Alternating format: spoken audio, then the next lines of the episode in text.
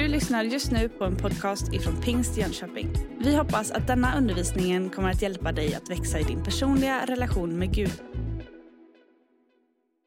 Allhelgona helgen, det är en tid för svensken då vi på ett särskilt sätt minns de som har gått före in i den eviga världen. Och många har säkert varit vid sina anhörigas gravar just den här helgen. Kanske lagt en blomma, lagt en krans eller tänt ett ljus.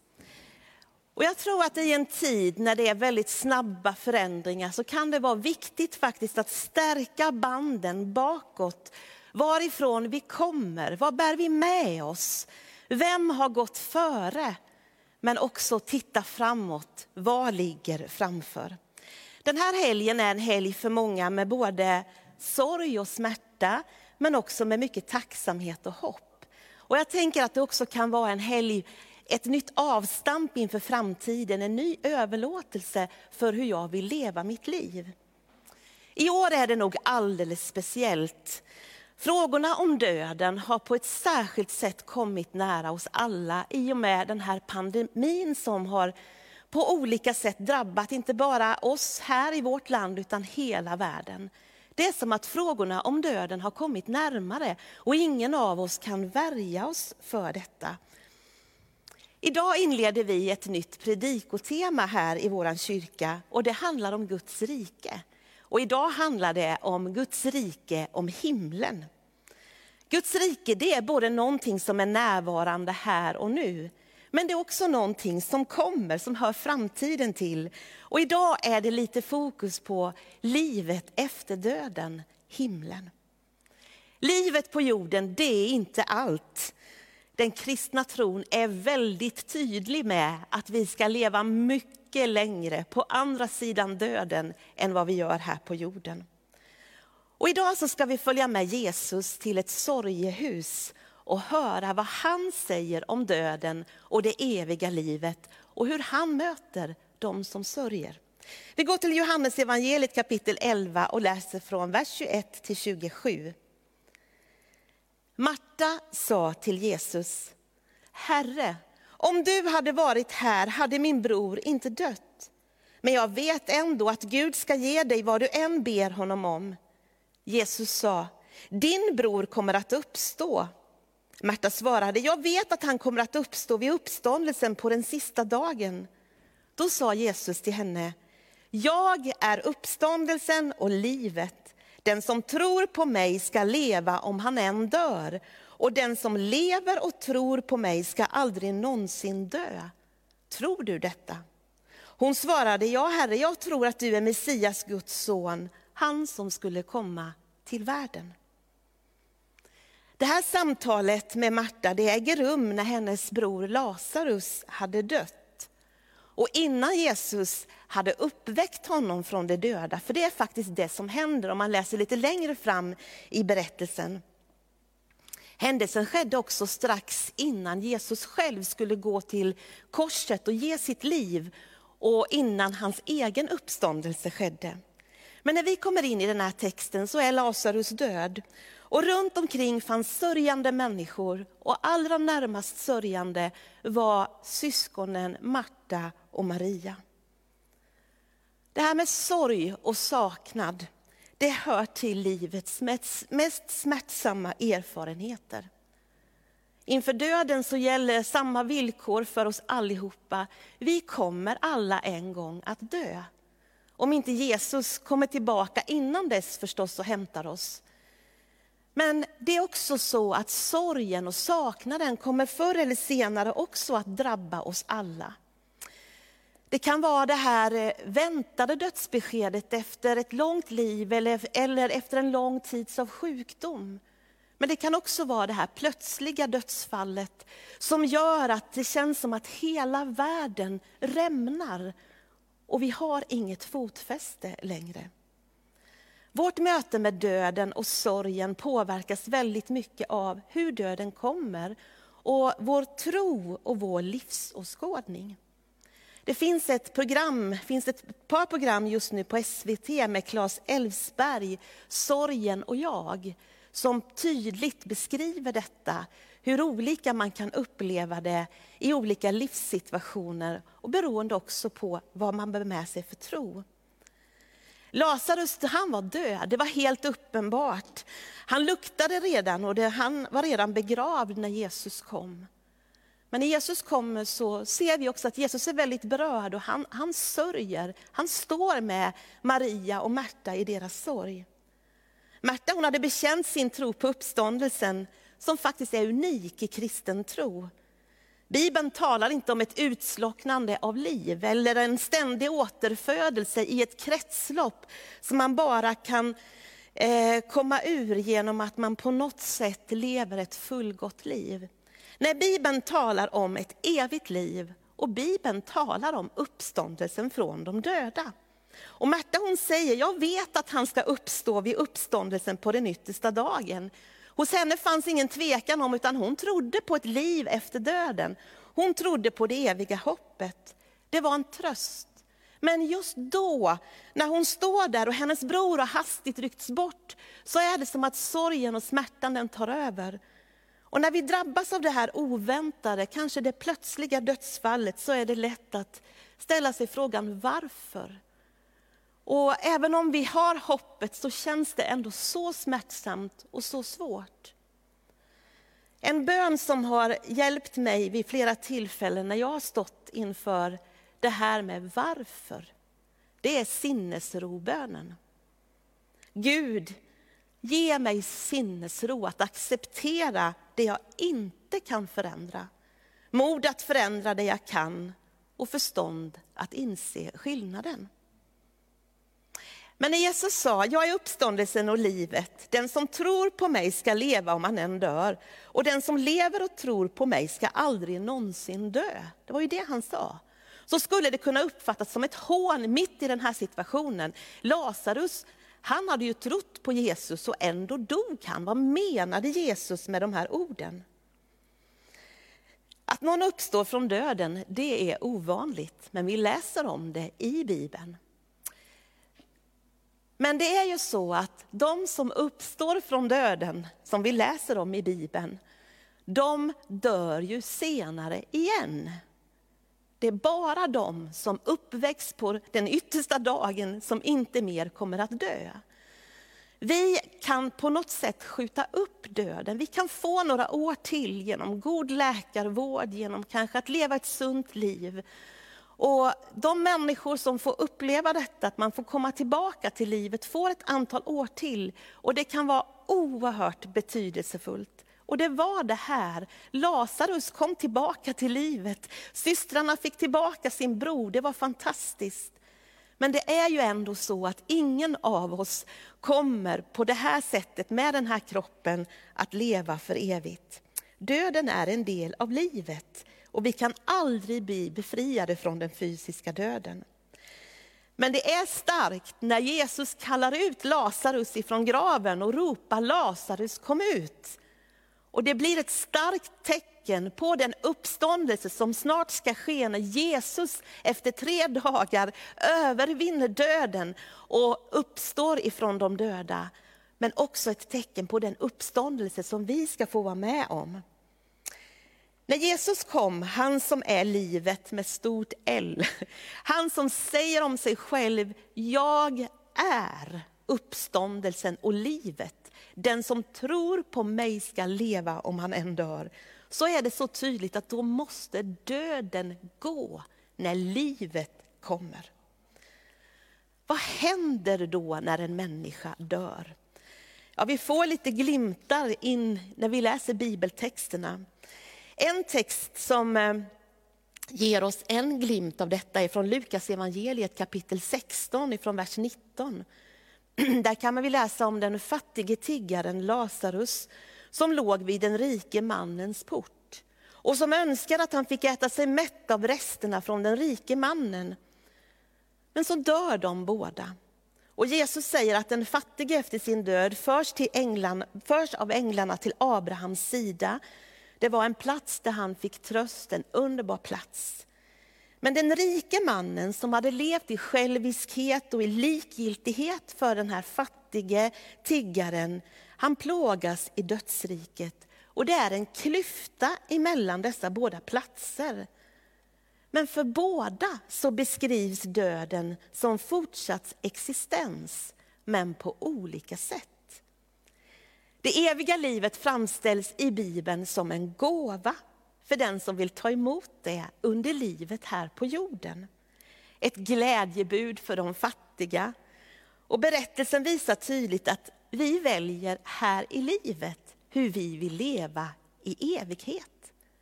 En av de mest vackra berättelser som finns i Nya Testamentet, det är det som står i Lukas 23, när Jesus hänger på korset omgiven av två rövare, så står det att den ena rövaren hånade honom, men den andra rövaren säger, Lukas 23 och 41, vi döms med rätta.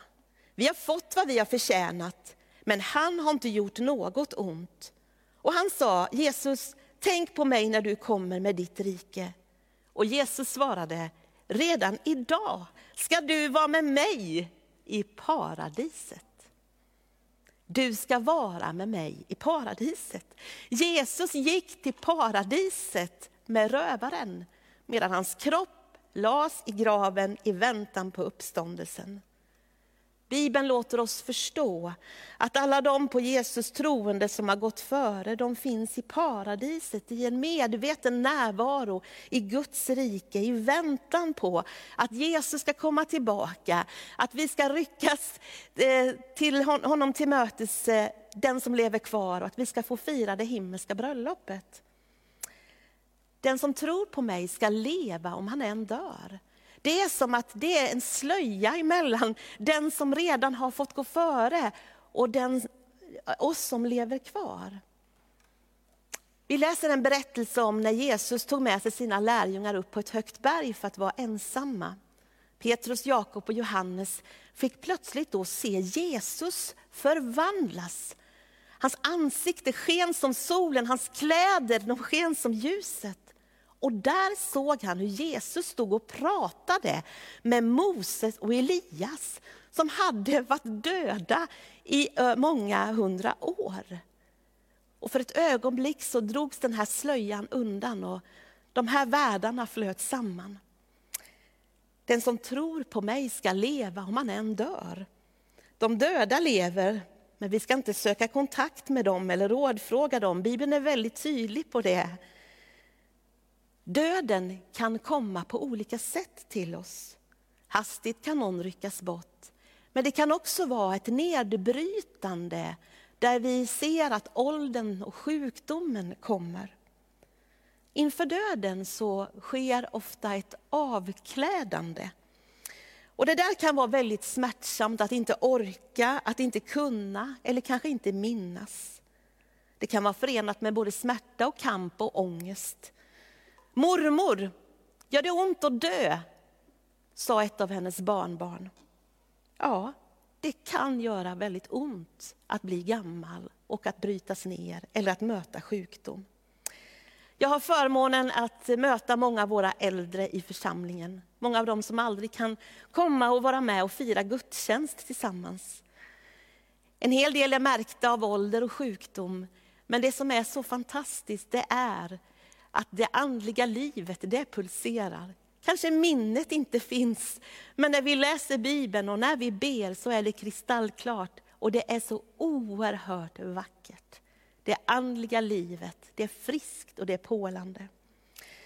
Bibeln säger i Andra Korinthierbrevet 5 och 1 att vi vet att då det tält som är vår jordiska boning rivs ner har Gud en byggnad åt oss i himlen, en evig boning som inte är gjord av människohand. Bibeln kallar den här kroppen vi har för ett tält, det är en tillfällig bostad för vår ande. Men en dag ska vi få en ny kropp, en byggnad som inte är gjord av människohand, vi vill inte leva kvar i ett tält i en tillfällig bostad, men vi ska få en ny kropp. Att dö innebär inte en omedelbar uppståndelse från de döda rent kroppsligt. men vi fortsätter att leva ett osynligt liv tillsammans med Gud. Och Paulus han skriver i första Thessalonikerbrevet 4 och 13 till 18 hur det här ska gå till.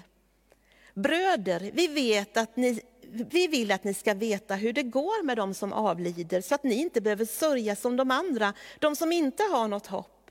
Om Jesus har dött och uppstått, vilket vi tror, då ska Gud genom Jesus föra till sig de avlidna tillsammans med honom. Med stöd av vad Herren har lärt oss säger vi er detta. Vi som är kvar här i livet ska inte gå före de avlidna. Ty när Herren själv stiger ner från himlen och hans befallning ljuder genom ärkeängens röst och Guds basun, då ska de som är döda i Kristus uppstå först. Och därefter ska vi som är kvar i livet föras bort bland molnen tillsammans med dem för att möta Herren i rymden. Och sen ska vi alltid vara hos honom. Ge nu varandra tröst med dessa ord. Paulus talar i sitt brev om att det, sina brev om att det här eviga livet, den här uppståndelsen, den sker vid den nya födelsen och den sker i dopet. Andligen så sker uppståndelsen redan här och nu. Men en dag så ska också kroppen uppstå. Och när kroppen läggs i graven eller tas om hand på ett annat sätt så liknas det vid ett frö som läggs i jorden och som sen vid uppståndelsen blir en fullt utvecklad växt. När vi har begravningar så läser vi ofta ifrån första Korinthierbrevet 15 och 42 att det som blir sått förgängligt, det uppstår oförgängligt. Det som blir sått föraktat, det uppstår i härlighet. Det som blir sått svagt, det uppstår fullt av kraft. Och Markus läste förut också ifrån Filipperbrevet 3, där det står vårt hemland är himlen. Och därifrån väntar vi också den som ska rädda oss, Herren Jesus Kristus. Han ska förvandla den kropp vi har i vår ringhet, så den blir lik den kropp han har i sin härlighet. Ty han har kraft att lägga allt under sig. När vi läser om Jesus när han, uppst när han uppstår, så är hans kropp förvandlad. De har inte de begränsningarna som kroppen hade tidigare. Och så kommer det också bli med vår kropp. Vi kommer att förvandlas och vi kommer att bli lika honom när vi får se honom som han är. Vi människor vi är skapade att leva för evigt. Det är det Bibeln beskriver. De första kapitlen i Bibeln, första och andra Mosebok, beskriver paradiset, allt det här vackra som Gud har skapat. Gud kom och gick och var nära människor, allt var i harmoni. Men så kommer människan med upproret mot Gud, synden kommer in i världen och alla relationer och skapelsen börjar brytas ner. Och syndens lön är döden. Lön, det är någonting som man förtjänar. Men Guds gåva är evigt liv åt den som vill tro. Och Gud han hade en plan från början att återupprätta allt. Och vi läser om att Jesus Kristus kom hur han ger sitt liv på korset, hur han bär synden och skulden och skammen, hur han vinner seger över döden, hur han uppstår igen på tredje dagen. Och så läser vi de sista kapitlen i Bibeln, i Uppenbarelseboken, hur allt ställs till rätta. Det handlar om en ny himmel och en ny jord. Det himmelska Jerusalem flyttar till jorden, gemenskapen upprättas, allt blir upprättat. Början av Bibeln och slutet av Bibeln, det talar om vi är skapade att leva för evigt tillsammans med Gud. Och en dag ska allt bli återupprättat. Himlen, hur ska det vara där? Ja, vi kan bara ana vad inget öga sett, vad inget öra hört, vad ingen människa har kunnat ana. Det har Gud berättat åt dem som älskar honom. Vi anar en lovsång som bruset av ett stort vattenfall. Vi ska mötas människor av alla folkslag och stammar och kulturer, bakgrunder. Det kommer att vara så fantastiskt och vi kan inte riktigt eh, ta in det. Någon har sagt att förklara himlen för en människa, det skulle vara som att förklara internet för en myra. Det går inte att förstå. Det är liksom perspektiv som vi inte kan ta in. Men det vi vet, det är det finns någonting som inte finns i himlen. Och det känner vi till. Det kommer inte finnas någon sorg, ingen död, ingen klagan, ingen smärta, inga krig, ingen orättfärdighet, ingen orättvisa. Ingen kommer att behöva fly för sitt liv, det kommer inte vara några naturkatastrofer, inga terrordåd, ingen oro eller ångest, inga övergrepp, ingen mobbing eller utfrysning. Johannes som sitter i, på ön Patmos, fängslad för sin tro. Han sitter som i karantän, men så drar Jesus undan slöjan och han får se in i den himmelska världen. Och han skriver så här, Uppenbarelseboken 21, 4-5. Gud själv ska vara hos dem och han ska torka alla tårar från deras ögon. Döden ska inte finnas mer och ingen sorg och ingen klagan och ingen smärta ska finnas mer. Ty det som en gång var är borta. Och han som satt på tronen sa, se, jag gör allting nytt. Vi kan drömma, vi kan fantisera, men det kommer att vara helt underbart i himlen. Redan nu, det är det här som är så stort med Guds rike, redan nu kan vi få en försmak av himlen. Och ibland är vi med om det, kanske i en gudstjänst, kanske i en bönestund, att vi märker att någonting av det himmelska når oss här på jorden. Och det gör att vi får en doft, en aning om hur det kommer att vara där. Jesus sa, den som tror på mig ska leva om han än dör. Himlen, vill du vara med där? Du vet, den frågan, den är viktig att ta till sig redan här och nu. Kanske är du rädd för döden. Eller du känner dig osäker på vad som kommer att hända med dig. Men vet du, du behöver inte vara osäker. I första Johannes brev 5 och 11 så står det så här. Gud har gett oss evigt liv och det livet finns i hans son. Den som har sonen, han har livet. Den som inte har Guds son har inte livet. Detta skriver jag till er som tror på Guds sons namn för att ni ska veta att ni har evigt liv.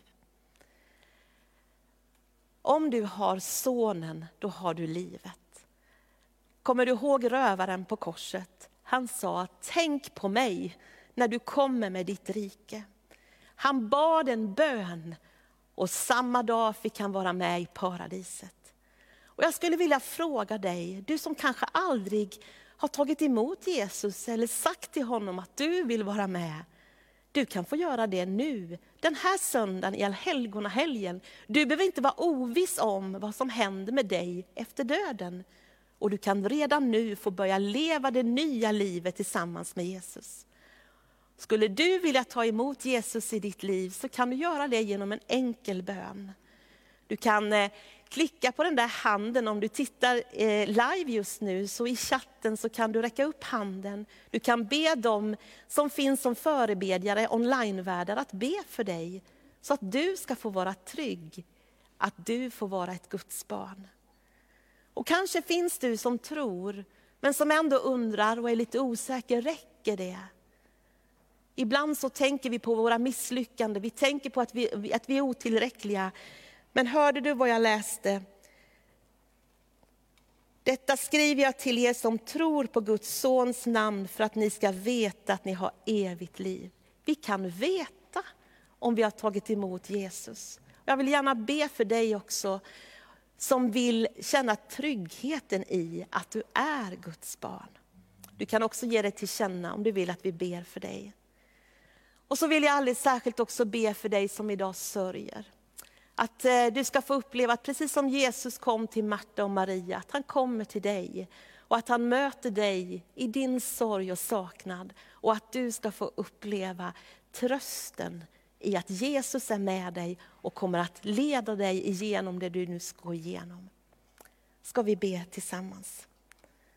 Herre, tack för att du är nära var och en av oss, oavsett var vi befinner oss just nu i livet eller rent geografiskt. Jag tackar dig för att orden som du själv säger att du är uppståndelsen och livet och att den som tror på dig ska leva om man än dör. Att det är ord som stämmer, som är sanna. Tack för att den som just nu ber en bön och öppnar sitt hjärta för dig, Tack att du är där på ett ögonblick och föder på nytt och föder det eviga livet. Och jag tackar dig för att du ger en inre förvissning till den som är orolig just nu inför evigheten. Tack att du kommer Herre och fyller med barnaskapets ande Herre, försäkran, trygghet om att, att om vi är med dig Jesus här på jorden så får vi också vara med dig i evighet. Herre, jag ber också för den som just nu sörjer om tröst, Herre. Jag ber för den som just nu kanske lever med någon som, som är svårt sjuk, att du ska komma, Herre. Och du ska trösta, du ska hjälpa, du ska leda. Och Herre, hjälp oss alla att vi eh, kan leva med dig som hoppet i våra liv. Tack att vi inte behöver förtrösta på oss själva, utan vi får vända vår blick till dig. Och vi får säga, du är mitt hopp. Jesus Kristus. Tack att du är här och hos var och en. I Jesu namn. Amen. Du har just lyssnat på en podcast ifrån Pingst Jönköping. För att få reda på mer om vilka vi är och vad som händer i vår kyrka så kan du gå in på pingstjonkoping.se eller följa oss på sociala medier via pingstjkpg.